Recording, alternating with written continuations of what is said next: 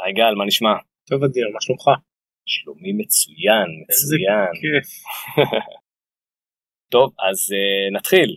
Uh, אתם מאזינים לעוד פודקאסט למכירות, סדרה מקצועית של עוד פודקאסט לסטארט-אפים, uh, שמפגישה אתכם בצורה בלתי אמצעית עם מנהלי המכירות המובילים בישראל, אותם rainmakers מאחורי סיפורי ההצלחה הגדולים. בכל פרק אנחנו נביא את הסיפור האישי של כל אחד מהם, סיפורי הקרבות מאחורי המספרים הגדולים של החברות המובילות בישראל, והכי חשוב, אה, נדבר על כלים וטיפים שתוכלו לממש מחר בבוקר. אז אה, אני אדיר צימרמן, ואיתי נמצא גל הזלקורן, בעבר סמנכ"ל מכירות אה, בכיר בנייס וברד, רדקום, ועוד חברות רבות וטובות. בשנים האחרונות גל עובד צמוד צמוד עם סטארט-אפים, ככה שגל טעם ומכיר מכל העולמות. גל ישתף אותנו בכמה סיפורי קרבות מסמרי שיער, אה, ידבר איתי על, אה, איתנו על אינדירקט סיילס, היתרונות של זה לחברות ואיך אתם, אם בכלל, תוכלו לממש את זה כבר מחר, אה, וגם נדבר האם זה נכון לסטארט-אפים ומה האסטרטגיה סביב הדבר הזה. אז רק לפני שנתחיל, תודה רבה לרייז על האירוח, לגלובס על הכותרת, ולגיא וטומי היפים והנכונים. אז פתיח ומתחילים. עוד פודקאסט? עוד פודקאסט. עוד פודקאסט לסטארט-אפים.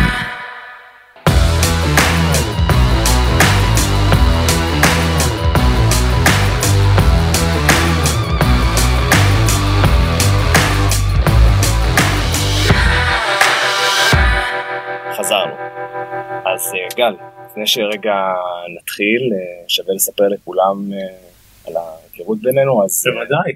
disclaimer קטן, אה, אנחנו לא מכירים מהיום, גל היה VP Sales הראשון של אה, סקרימו, אה, ולקח אותנו גבוה גבוה אל מקומות רחוקים על גבי הגלובוס, וגל הוא היום גם מנטור וגם חבר קרוב. ואני חושב שדיברתי מספיק עד עכשיו, אז גל, תודה שאתה מסכים איתי, כן? תראה, דבר ראשון שלימדו אותי בתור איש מכירות, זה לא סתם יש לנו פה אחד ושתי אוזניים. אתה מקשיב מצוין. אז, אה, אז גל, ספר למאזינים אה, מי אתה ומה עשית בחייך. אז אה, שלום לכולם, תודה אדיר על ההזדמנות פה לשבת איתך, א' זה כיף, אנחנו מכירים כבר הרבה שנים אז כל פעם מחדש זה כיף. זהו, אז אני מכירות הייטק בינלאומיות עושה כבר למעלה מ-20 שנה. לפעמים זה נראה הרבה זמן, לפעמים זה עובר, וכשאתה חושב על זה זה עבר אבל מאוד מהר. אה, לא מזמן עשיתי איזשהו אה, סיכום, הייתי צריך אה, בשביל ויזה לארה"ב להסתכל ולעשות איפה הייתי בעשר שנים האחרונות. לא היה פשוט, קודם כל הייתי צריך לעבור איזה ארבעה חמישה דרכונים. באמת מה שזה נתן לי השנים האלה בתור איש מכירון נתן לי הרבה מאוד סיפוק, הרבה מאוד אה, כיף, הרבה מאוד אה, חוויה מצוינת, גם עם האנשים שפגשתי, גם עם המקומות, התהליכים, הלימוד, הכל היה מדהים. וכמו הרבה דברים בחיים, זה די במקרה שהגעתי למכירות.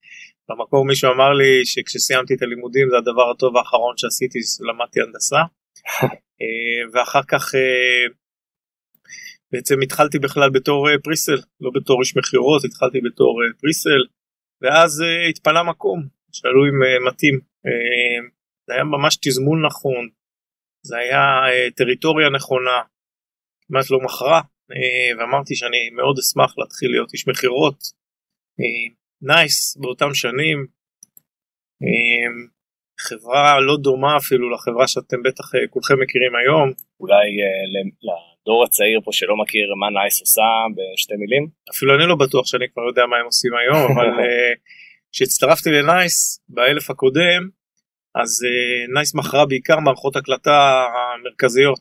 בעצם רוב הפעילות שלה הייתה סביב מכירה של מערכות הקלטה גדולות, אם זה למרכזי חירום כאלה ואחרים, לרצפות מסחר אלקטרוני של בנקים.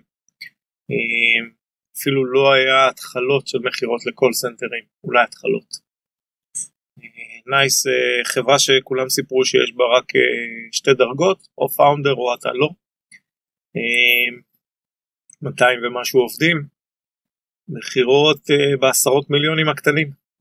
נייס, שוב, לא דומה אפילו למה שיש היום. והשנים בנייס היו מדהימות. אם אני מסתכל היום על ההזדמנות הזאת ש, שהייתה לי להיות חלק מההפיכה והמעבר והגידול והיצירה הזאתי, גם באמת קיבלנו הזדמנות להיות אה, אפילו התנהגות של סטארט-אפ בתוך חברה גדולה.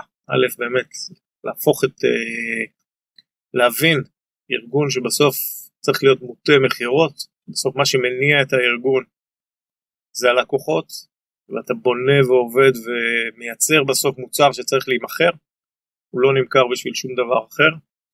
אה, אתה צריך להיות יצירתי, חכם, חושב ולהבין את השוק, את הדינמיקה של השוק, את הצרכים של השוק ולאזן אותם מול בסוף גם הארגון ומול הצרכים של הארגון ומול התעדופים השונים של הארגון ולצאת ולצאת מהבית, לעלות על המטוס אה, ולמכור כל פעם מחדש.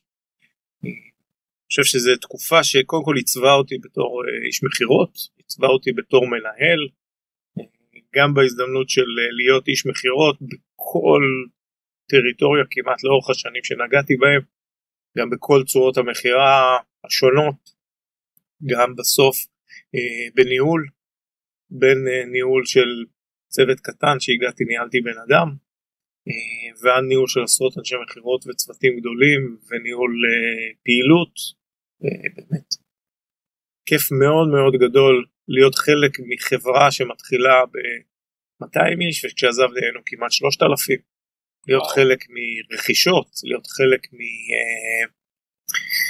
גידול טריטוריאלי, גידול אנושי, תהליכים מאוד מרתקים, תענוג.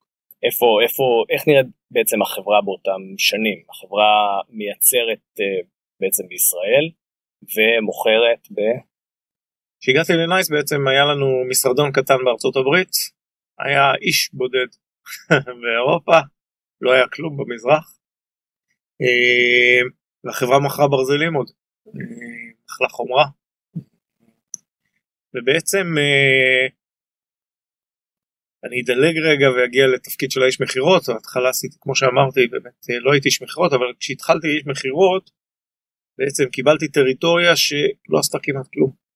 שזה שזה מצד אחד אה, יתרון אדיר, כי אין למה להשוות, מצד שני מאתגר, כאילו החלטות, מי אתה, איך אתה עושה, מהי האסטרטגיית שוק שאתה רוצה לבחור, אה, מה הדרישות של השוק הספציפי שאתה אחראי עליו, ובאמת בהתחלה הייתי אחראי על אה, טריטוריה אה, מאוד מאתגרת, הייתי אחראי על מזרח אירופה ודרום אפריקה.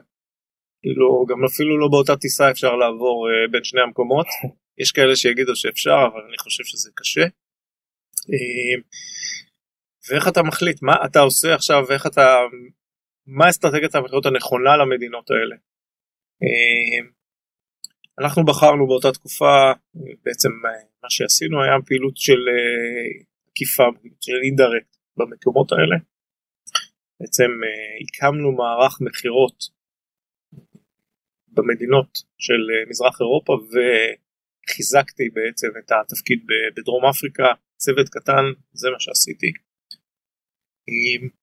החלטה של מי הפרטנר הנכון, החלטה של מיצוב שלך בשוק, ההחלטה של איך אתה מגדל את הפרטנר כחלק מהפעילות שלך. החלטות שאם אתה מקבל אותן נכון, אחר כך אתה צומח עליהן מאוד. אם אתה עושה טעות בהחלטה, יש סיכוי מאוד סביר שהזמן שתתקן ייקח לך הרבה זמן והרבה פעמים עלות גם ישירה, כי לוקח זמן לתקן, וגם עלות עקיפה, כי בזמן הזה אתה לא עושה דברים אחרים. אתה גם נעשה הרבה פעמים שבוי ברעיון של עצמך אם אתה עושה טעות, והזמן שלוקח לך לתקן הוא uh, מאוד ארוך. אני חושב שלפני הפרק אה, דיברנו שזה יהיה הנושא המרכזי נכון, שלו, אנחנו נחזור לזה. ובדיוק נתעסק באותם כן. סיפורים שאתה מתאר פה. מה התחנה הבאה שלך בנייס בעצם? אז בעצם התחלתי בתור איש מכירות, ואז בעצם קיבלתי הזדמנות מדהימה. נייס קנתה חברה, חושב שזו הייתה קנייה משמעותית מאוד של, של נייס באותה תקופה, קנינו חברה בסביבות 2002, אה, את המתחרה הכי גדול אה, באירופה. ובעצם הפכנו מיום אחד חבורה של ישראלים שמנהלת אה, פעילות אירופאית, לחבורה של ישראלים שמדווחת לחבורה של אנגלים שיושבים באנגליה, וארגון, ארגון פעילות, ארגון מכירות, ארגון. overnight uh, קיבלתי הרחבה מאוד משמעותית של הטריטוריה, uh, בעצם uh, הפכתי להיות אחראי על אזור מאוד גדול, על שליש, או כמו מישהו פעם אמר, כל מדינות האירוויזיון שאף אחד לא זוכר, ובעצם כר פורה מדהים לגידול מנורווגיה בצפון ועד דרום אפריקה, כל הקו הזה תלכו מלמעלה עד למטה על הקו הזה, עם כל המדינות שבאמצע. אף פעם לא אמרתי שאני עושה מזרח אירופה, כי היה לי את גרמניה בפנים, וגרמניה לא אוהבים שקוראים להם מזרח אף פעם. אה, ואתה צריך לקחת, ויש לך אנשים מפוזרים, ויש לך, אחרי רכישה כזאת היה תהליך של מיזוג של משרדים, ויש לך מכירות ישירות במקומות מסוימים, יש לך מקומות אחרים שאתה מתחיל מאפס, ויש מקומות אחרים שאתה מוכר אה, כבר תשתית קיימת. איך אתה מאחד את הפעילויות האלה אחרי רכישה, איך אתה מתחיל לבנות את הצוות שילך ויגדל, איך אתה לאנשים שקיבלת, אני מקנה עכשיו את הזהות של, של, של נייס, אה, בהחלט תהליך מרתק אה, להיות חלק ממנו. עכשיו שוב, אה, איש מכירות תמיד מספר סיפור טוב שהולך לו, זה גם למדתי לאורך השנים.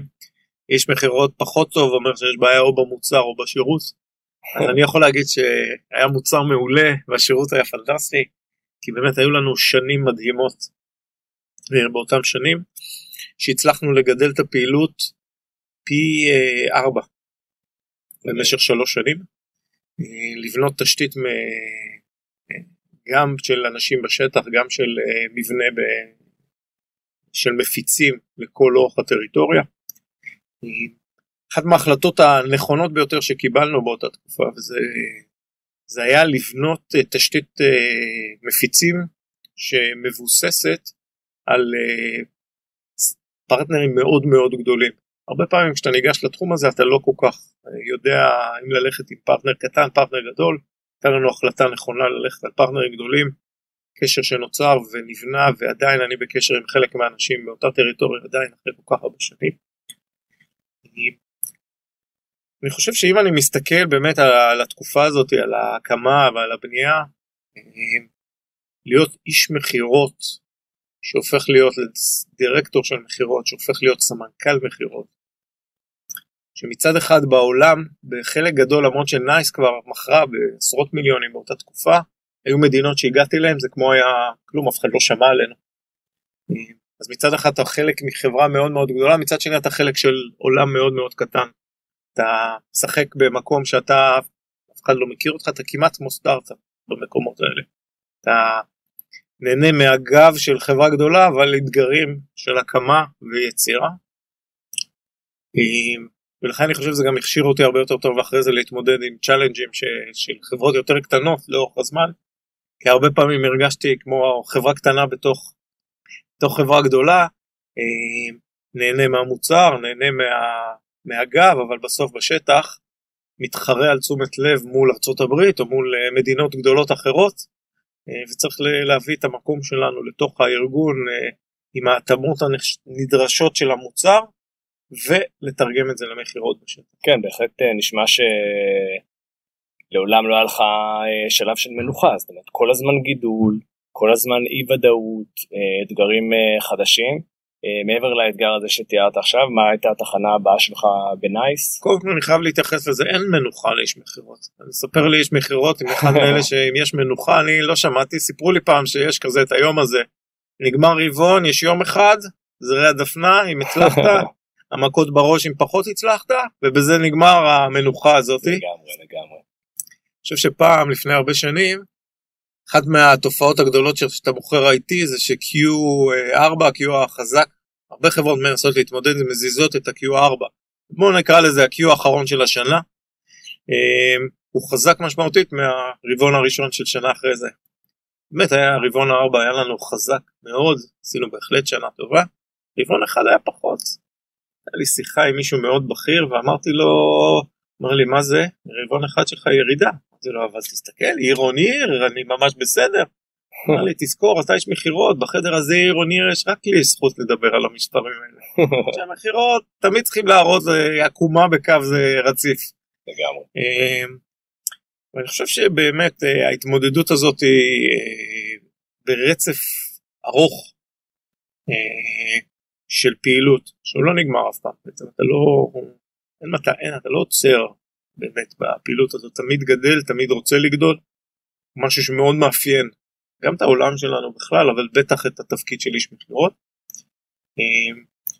ובאמת כל עוד אתה בחברה צומחת חברה גדלה חברה שרוכשת לאורך הדרך עוד חברות ועוד uh, טריטוריות חדשות ועוד uh, אתגרים חדשים uh, אין פעם אתה לא אין רגע דל בתוך הפעילות הזאת. אז בוא נחזור uh, רגע לסיפור שלנו אתה, אה, אתה עכשיו בנייס ה milestone הבא בקריירה שלך כ sales היא עדיין בתוך נייס או כבר כן, אתה יוצא פה האמת שבנייס באיזשהו שלב מתוך הגידול בא בעצם תפקיד של אה, שהגעתי לתפקיד של סמנכ"ל שאחראי על טריטוריה מאוד גדולה. חלק מהפעילות של הסמנכ"ל אחד מהדברים ש... שאתה מאותגר בהם זה בעצם אה, אהבתי לקרוא לזה מנהלי טריטוריה בכלל לא מנהלי מכירות. אני חושב שזה הבדל מאוד משמעותי בהסתכלות שלך ובאחריות שאתה רואה לעצמך כאיש מכירות. האם התפקיד שלך זה אני מביא את המכירה וכל השאר לא מעניין אותי, או אם אני מביא מכירה מתוך הבנה שבסוף גם יש לקוח והוא צריך להיות מרוצה, ומאוד חשוב שהוא יהיה גם לקוח חוזר ולקוח מגדיל והשם שלנו בשוק, זה מידת אחריות שונה, ואני בדרך כלל גם בתור, בתור הפעילות של עצמי וגם בחינוך שנתתי לאנשי מכירות שעבדו איתי, היה תמיד שאנחנו פה מנהלי הטריטוריה, בעצם אנחנו האינסטנציה הכי גבוהה בריג'ן מבחינת הייצוג של החברה. אין מעלינו, זה אנחנו. כן. כאילו כשיש אתגרים, כשיש בעיות, ש... ויש, אני לא מכיר מוצר IT, עוד לא סיפרו לי עליו, אבל אם מישהו מכיר, אשמח לשמוע, שאין לו בעיות, אה, אם בגרסה ואם בשדרוג ואם במוצר החדש שהכנסת, תמיד יש משהו. תמיד יש לקוחות, תמיד יש לקוחות פחות מרוצים, אה, וההסתכלות שלך על השוק מתוך מקום שאומר שאני פה לפתור, לא רק לייצר כסף אלא גם לפתור את הבעיות מתוך הבנה שיש לי אחריות הרבה יותר רחבה, זה משהו שא' מאפיין אותי, אני חושב כבן אדם, וגם אני חושב שניסיתי להנחיל את זה לכל מי שעבד איתי לאורך השנים, שהתפקיד שלנו באמת הוא, אנחנו נקראים אנשי מכירות, אבל בפועל אנחנו מנהלי הפעילות של החברה שאנחנו מייצגים, ואני חושב שזה ניואנס זה נשמע אולי קטן אבל הוא מאוד מאוד משמעותי. הוא ניואנס חשוב הוא ניואנס משמעותי. אתן לכם רק כדוגמה שבאחת מהפעילויות שלנו אה, אחת מהחברות שקנינו בעצם נוצר לי אתגר שבאותה מדינה היה לי גם אה, גוף מכירות ישיר וגם גוף מכירות אה, עקיף אינדר. ובעצם אתה צריך לקבל החלטה מה אתה עושה האם אתה כאיש מכירות מה, מה אתה עושה.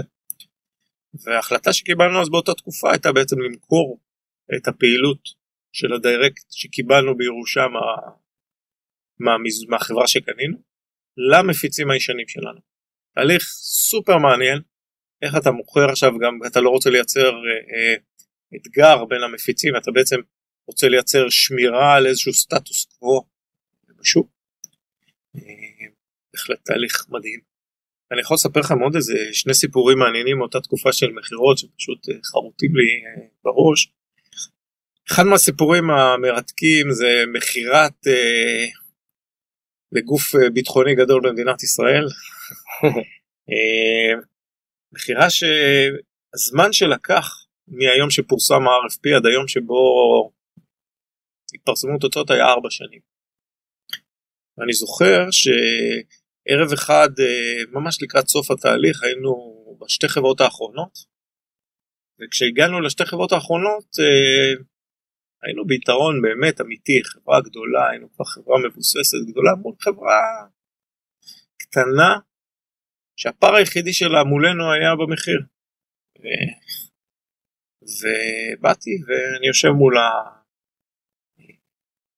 איש הרכש של אותו ארגון, והוא אומר לי, תשמע, אני צריך אה, שתיתן לי 35% הנחה. באמת שהייתי די מופתע, אפילו בשוק. הסתכלתי על מנהל הפרויקט שהכיר את המבנה העלויות של הפרויקט, ואמר לי, אמרתי לו, אתה יודע שאי אפשר למצוא את המספר הזה, אין כזה דבר. הוא אומר לי, תשמע, אתה חייב, תתגמש, חברים, בכלל לעשות מכירות בישראל, כולם מכירים את כולם, חברים פה. אמרתי לו, תשמע, אין גמישות, אין כלום, אתה רוצה 2%, גם זה בסדר, כולנו נצא לדרכנו. ראיתי שאין עם מי לדבר, קמתי ועזבתי. אני חושב שהשוק שהיה בחדר מלקום ולעזוב פגישת מכירות, שוב אני מזכיר לכם, זו עסקה של uh, שבע ספרות, לא בשקלים. כאיש מכירות, אם מכרת את זה בשני מיליון דולר או במיליון דולר, והיות שאתה בסוף זה סכום מאוד גדול ולא לא כל כך, פחות מעניין אותך המבנה עלויות נניח, אלא מאחורה, זה החלטה קשה לקום ולעזוב עסקה כזאת מתוך ידיעה אה, שאתה עשוי להפסיד עסקה משמעותית גדולה. מצד שני, אה, כמו שאמרתי, אנחנו אחראים על הפעילות, האחריות שלנו היא לא רק להביא כן. את ה-PO, אלא בסוף להביא לקוח בסוף הדרך, שיהיה לקוח מרוצה ושמה שמכרנו יעבוד. אה, קמתי והלכתי. אני חושב שבדרך מהפגישה לשער תפסו אותי, אמרו לי בוא תסתובב, תחזור, תעשה משא ומתן. אמרתי אין משא ומתן. זה או שהוא מקבל את עמדתי או שאין מה לדבר. זה לא שעכשיו הוא יגיד, אני אגיד 0, הוא יגיד 35, נסגור ב-17. לא עובד הבזאר הזה. אחרי חצי שנה הם התקשרו. ואחרי חצי שנה התקשרו ואמרו, אה, צדקת, באמת אי אפשר לעשות את הפרויקט בצורה אחרת. אה, מה מחזיר אותך למשא ומתן? אמרתי, אמרתי להם, מה שמחזיר אותי למשא ומתן זה שאין משא ומתן. זה פשוט חותמים על, אני, על ההצעה האחרונה, אני מה זה פייר איתכם, וזה מה שיהיה. ועסקה מדהימה שהגיעה. אין, אין ספק uh, שרואים את זה היום, היום זה ממש דיון פתוח, הנושא של המקצוענות וההבנה של איש המכירות, שהוא בסוף זה שלא לא רק uh, בא ונותן עם פטיש בראש ועושה את המשא ומתן, אלא הוא מבין את המוצר שהוא מוכר, הוא מבין את הלקוח שמקבל את אותו מוצר, אה, יש על הכתפיים שלו גם אה, בטח ב enterprises, שאנחנו מדברים על מכירות גדולות שעלולות אה, לקחת חברה לכיוונים שונים, יש לו גם אחריות להבין מה ה roadmap של ה product של החברה ולראות שהכל aligned. ומה שאתה מתאר פה זה מה שנקרא שזה לא, היום מדברים על זה שעל איש המכירות החדש יש המון דיבור כזה, The Challenger Sale, מה שאתה מספר זה סיפור מלפני 15 שנה. משהו כזה נניח. כן, מה, ש... מה שמוכיח כן שסך הכל אה, אה, אין, אין, אין חדש במשחק הזה. איש מכירות צריך להיות אה, מקצוען ברמת הבנת ה product ו, אה, והבנת הלקוח. אה, טוב אז אנחנו נעצור כאן בהיכרות אה, איתך וננצל את ה... נעבור לחלק השני בעצם ונדבר בו על ה-indirect sell מה שדיברנו מכירה דרך צ'אנלים, אה, uh, אז, אז בואו נתחיל בעצם לדבר על מה זה בכלל indirect sell. מכירה בדרך ערוצי הפצה היא מכירה תוך כדי זה שבעצם אתה, יש הרבה מאוד uh, צבעים למושג הזה מ-indirect sales. זה דרך uh, מכירה, דרך uh, שותפים קטנים שהם בעצם reseller־ים מלאים, אה, שאתה הזמנה אפילו עוברת דרכם ואתה מקבל אחרי שהם חתכו את ההנחה, מקבל את החלק שלך, הם יודעים לפעמים לעשות את כל ההתקנה וה professional services, דרך חברות שמכניסות איתך כ-OEM לתוך המוצר הגדול שלהם ובעצם אתה נמכר אפילו ב white label בתוך המוצר, אה, דרך אה, פתרונות של רפרל, שבהם בעצם אתה מקבל הפנייה ללקוח, סוגר את העסקה ואז צריך לטפל ברפרל בצורה זאת או אחרת. אחרי העסקה... בואו נתרגם לאלה שלא מגיעים מעולם המכירות, אמרנו OEM, אמרנו רפרלס. אמרתי distribution, אמרתי. מה, מה זה בעצם כל המונחים האלה בקצרה? זה מידת המעורבות, בעצם יגדיר את מידת המעורבות שלך בתוך המוצר של הפרטנר אה, ואת מידת המעורבות של הפרטנר בתוך תהליך המכירה והאימפלמנטציה שאחריו. בעצם אם אני אגיד ריסלר אה, שיהיה הרבה פעמים כאילו מלא, הוא בעצם אה, חברה שלוקחת את המוצר, בעצם איש המכירות של הריסלר הוא כמו איש מכירות שלך, אתה רוצה לראות אותו כאיש מכירות שלך, הוא, מוצר, הוא, הוא מכיר את המוצר, הוא מכיר את השוק, הוא מוכר את המוצר והם יודעים אחר כך גם להטמיע את המוצר שלך, זה reseller. distributor לפעמים זה חברה שהיא יותר בצד הלוגיסטי של הפעילות, בעצם יודעת אה, לייצר איזשהו מנגנון בינה, בינך לבין reseller־ים נוספים, ואז אבל פותחת לך שוק מאוד גדול. בצורה הזאת OEM, הרבה פעמים יגידו לך זה חלום, בעצם אתה מוכר את הטכנולוגיה בצורה כזאת או אחרת, ומישהו מטמיע את זה בתוך המוצר שלו, ובעצם בכל מכירה שלו אתה חלק, שזה אה, הרבה פעמים אה, יכול להיות חלום. וריפרל זה איזשהו מישהו שמוכן לקבל כסף בזה שהוא חסה לך חיבורים וקיצר לך את הזמן אה, לשוק. אני משוכנע שאם נחשוב פה ונדבר נמצא עוד ניואנסים, אבל זה מספיק אני חושב בשביל... ברים, valuated ריסלר. כן, זה ריסלרים שיודעים לתת גם שירותים מעבר למכירה פשוטה, והם נותנים בעצם השלמה, אתה הרבה יותר מוטמע בתוך הפורטפוליו שלהם, כך שבאמת יש... העולם הזה הוא עולם מאוד מאוד רחב, הוא עולם שמשתנה בין מדינות, הוא עולם שמשתנה בין תרבויות, אה, זה עולם שמשתנה אה, בזמן, בעולם של הסאס הוא נראה קצת אחרת מעולם של מוצרים שהיית מוכר אותם כקופסאות ומלאים וסולושנס, זה נראה אחרת, זה משתנה לפי ורטיקלים, איך אתה ניגש. אז מה, אז, אז מה בעצם היתרון? למה, למה לי בכלל להתחיל ולחשוב על לעבוד עם... א', אחרי זה נדבר אם להתחיל, זו שאלה טובה, אבל בואו נשים רגע את הלהתחיל. התחלנו, אנחנו ביחד בתוך התהליך. אה, אחת מהנקודות באמת זה שבאמת אתה מקבל מכפלת כוח, כוח בנגיעות בשוק בצורה יחסית זולה. כאילו אתה משלם על זה, על העובדה שאם הלכת למפיץ הנכון, על המפיצים הנכונים, אתה מסוגל לנהל מספר מפיצים כאלה ולקבל את כל כוח המכירה שלהם בעצם עובד בשבילך.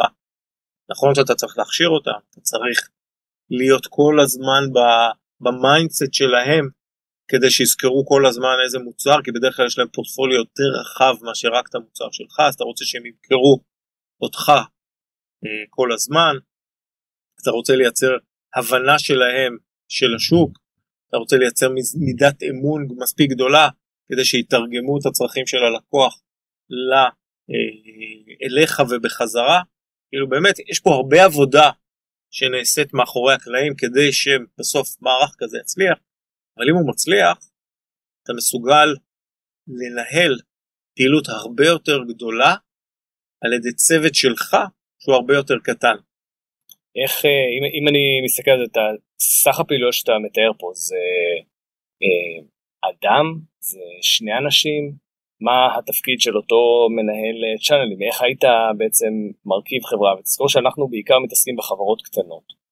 אה, האם זה משהו שהמנכ"ל יכול לעשות אה, כ-part of his job או... שאלה או מצוינת. ש... אחד מהסטארט-אפים שאני עובד איתם עכשיו, אנחנו מתלבטים בדיוק אה, בשאלה הזאת. גוף קטן בצמיחה מדהימה, באמת פורח, וחושב איך לצאת מגבולות המדינה.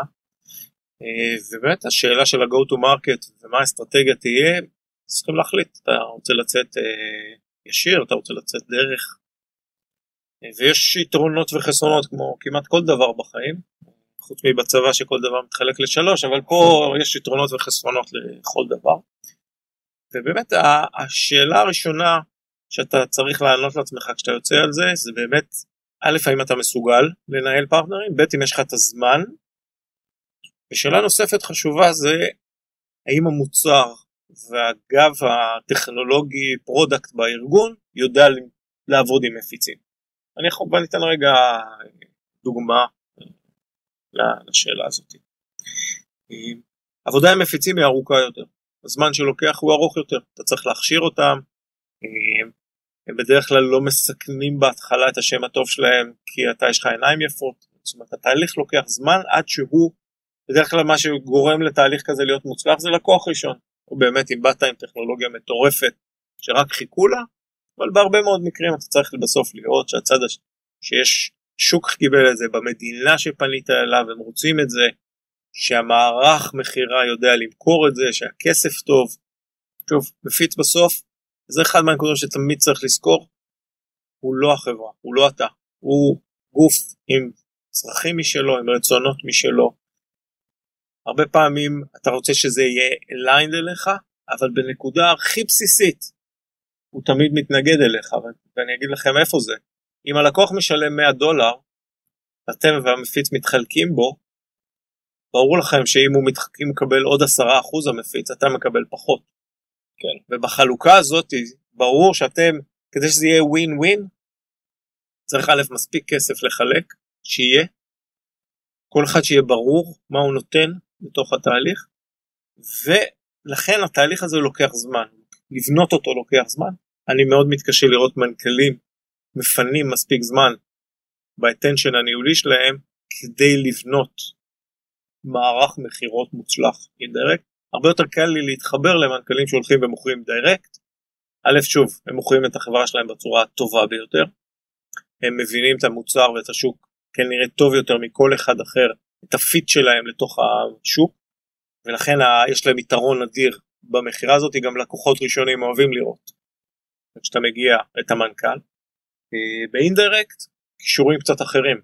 זה תהליך יותר ארוך, זה תהליך יותר אחד מהתחום נקרא לו קצת אפור בעולם הפרטנרים זה התחום של ה-OEM או תחום של uh, strategic alliances של relationship יותר כי זה נראה כמו הרבה פעמים זה כמו מכירה כמעט ישירה כי mm-hmm. מי שאתה מוכר אליו הוא גדול ממך הרבה הרבה הרבה יותר זה נראה כמו שאתה סוגר מכירה ישירה מבחינת העבודה הקשה למרות שאחרי זה הוא ייקח ויעשה עם זה משהו לכיוון השוק. ו... אז זה כן משימה שאתה כן יכול לקחת, אבל היא באמת, היא סינגולרית, היא בודדת, היא לא עכשיו בוא נפתח שוק שלם ונעשה את זה. מיומנות קצת שונה מאשר איש מכירות, זה ריצה למרחק של איש מכירות ישיר, זה ריצה למרחק הרבה יותר ארוך אה, פרטנרים. הייתה לי שיחה, זה, זה מדהים, הייתה לי שיחה לפני שבועיים במקרה. דיברתי עם מישהו שקורא לעצמו אה, רקל דוט נורווי. עכשיו, רקל הוא היה המפיץ של אותה חברה, אם אתם זוכרים מתחילת הסיפור, שאמרתי לכם שקנינו ב-2002, הוא היה המפיץ שלהם מלפני 30 שנה. הם קראו לעצמם, אז הם נקראו רקל.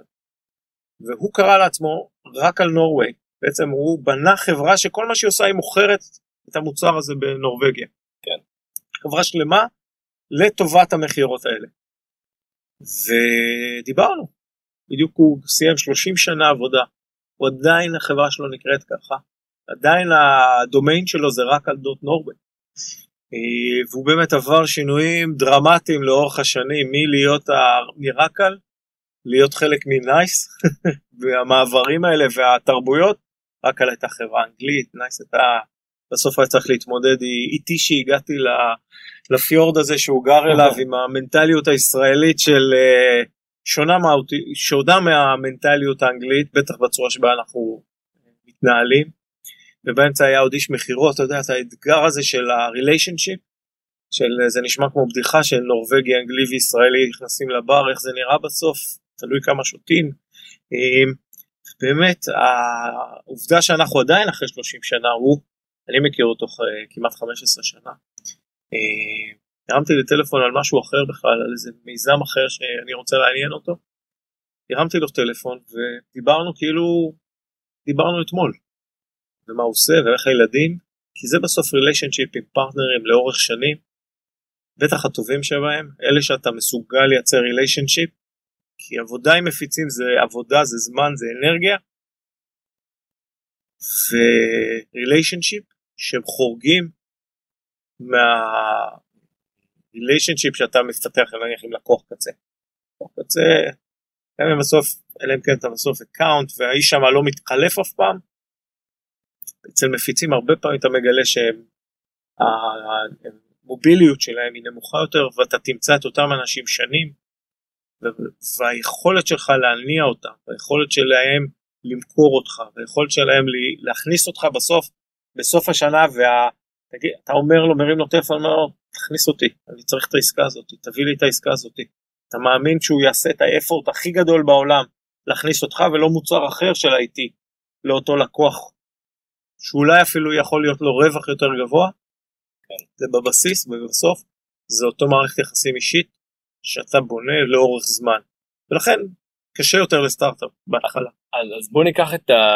בוא ניקח את הנושא הזה של מערכת יחסים שכרגע תיארת אותה ב-one way. Uh, היום כשאני יושב בעצם על הכיסא של הסטארט-אפ מעניין אותי two way גם בהקשר של לקבל פידבק מה, מהשוק. נכון. איך אתה גורם לזה שאותו מפיץ שאני לא יודע מה הרקע שלו אני לא יודע אם הוא מבין את ה product שלי הוא בטח ובטח כמו שאמרת מתרבות אחרת ברוב המקרים uh, כשאנחנו חברה ישראלית איך אני גורם לזה שאני יכול לקבל ממנו איזשהו פידבק על המוצר שלי, שאני אדע לעשות את ההתאמות הנכונות ל roadmap וכל זה, והופך אותו בעצם להיות ממש כמו איש מכירות שלי ב extension. זה, זה משהו שהוא בכלל אפשרי לעשות עם channelים?